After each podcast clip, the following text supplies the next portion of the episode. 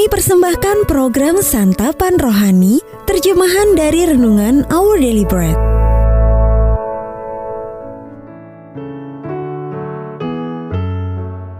Sahabat ODB, pembacaan Alkitab hari ini terambil dari 1 Tesalonika pasal yang kelima, ayat yang ke-12 sampai dengan ayat yang ke-24. 1 Tesalonika pasal yang kelima, ayat yang ke-12 sampai dengan ayat yang ke-24.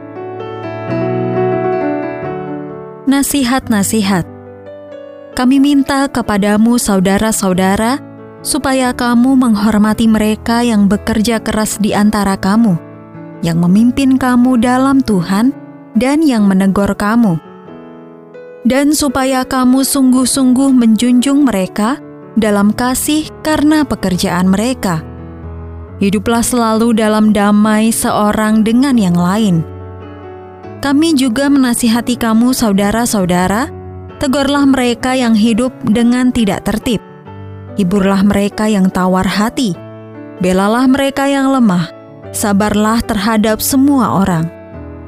Perhatikanlah supaya jangan ada orang yang membalas jahat dengan jahat, tetapi usahakanlah senantiasa yang baik terhadap kamu masing-masing dan terhadap semua orang.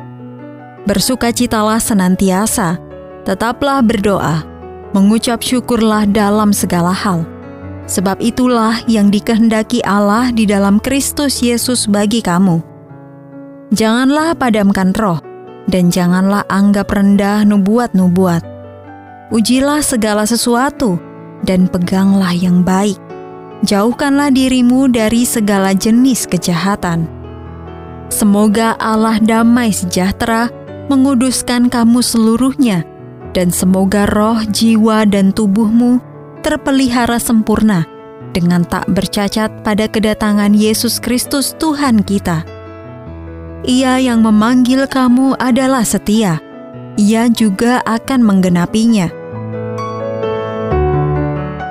Ayat Mas Renungan hari ini terambil dari 1 Tesalonika 5 ayat yang ke-17. Tetaplah berdoa. Judul renungan kali ini bersandar kepada Allah ditulis oleh James Bank. Harriet Tubman tidak dapat membaca dan menulis. Sebagai budak di masa remajanya, ia menderita cedera kepala karena disiksa oleh mandor yang kejam. Akibatnya ia sering mengalami kejang dan kehilangan kesadaran di sepanjang sisa hidupnya.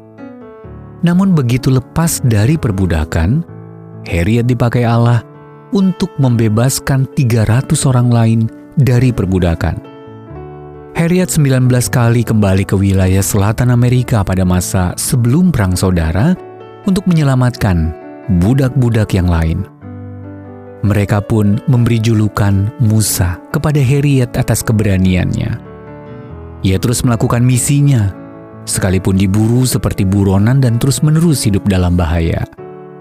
Sebagai orang percaya yang setia kepada Tuhan, ia membawa buku himne dan Alkitab dalam setiap perjalanannya, serta biasa meminta orang membacakan ayat-ayat Alkitab yang juga sering ia hafalkan dan ucapkan.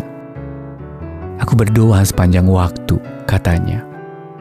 Tentang pekerjaanku di mana saja, aku selalu berbicara kepada Tuhan.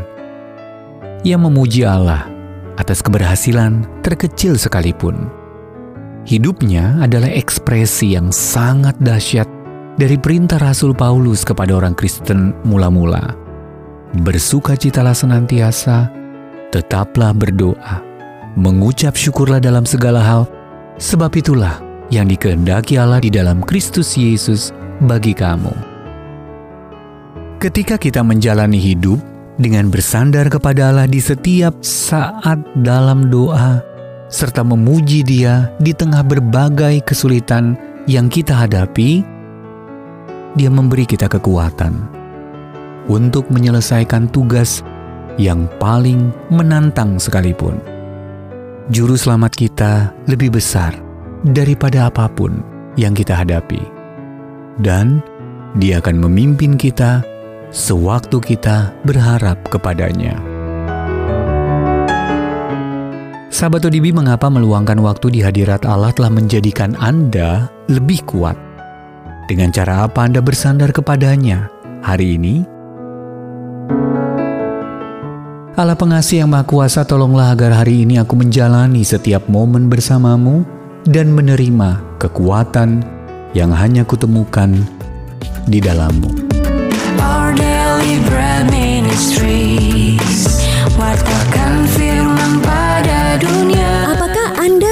Mendapatkan buku renungan ini dalam bahasa Indonesia, Inggris, atau Mandarin? Atau Anda rindu mendukung pelayanan ini?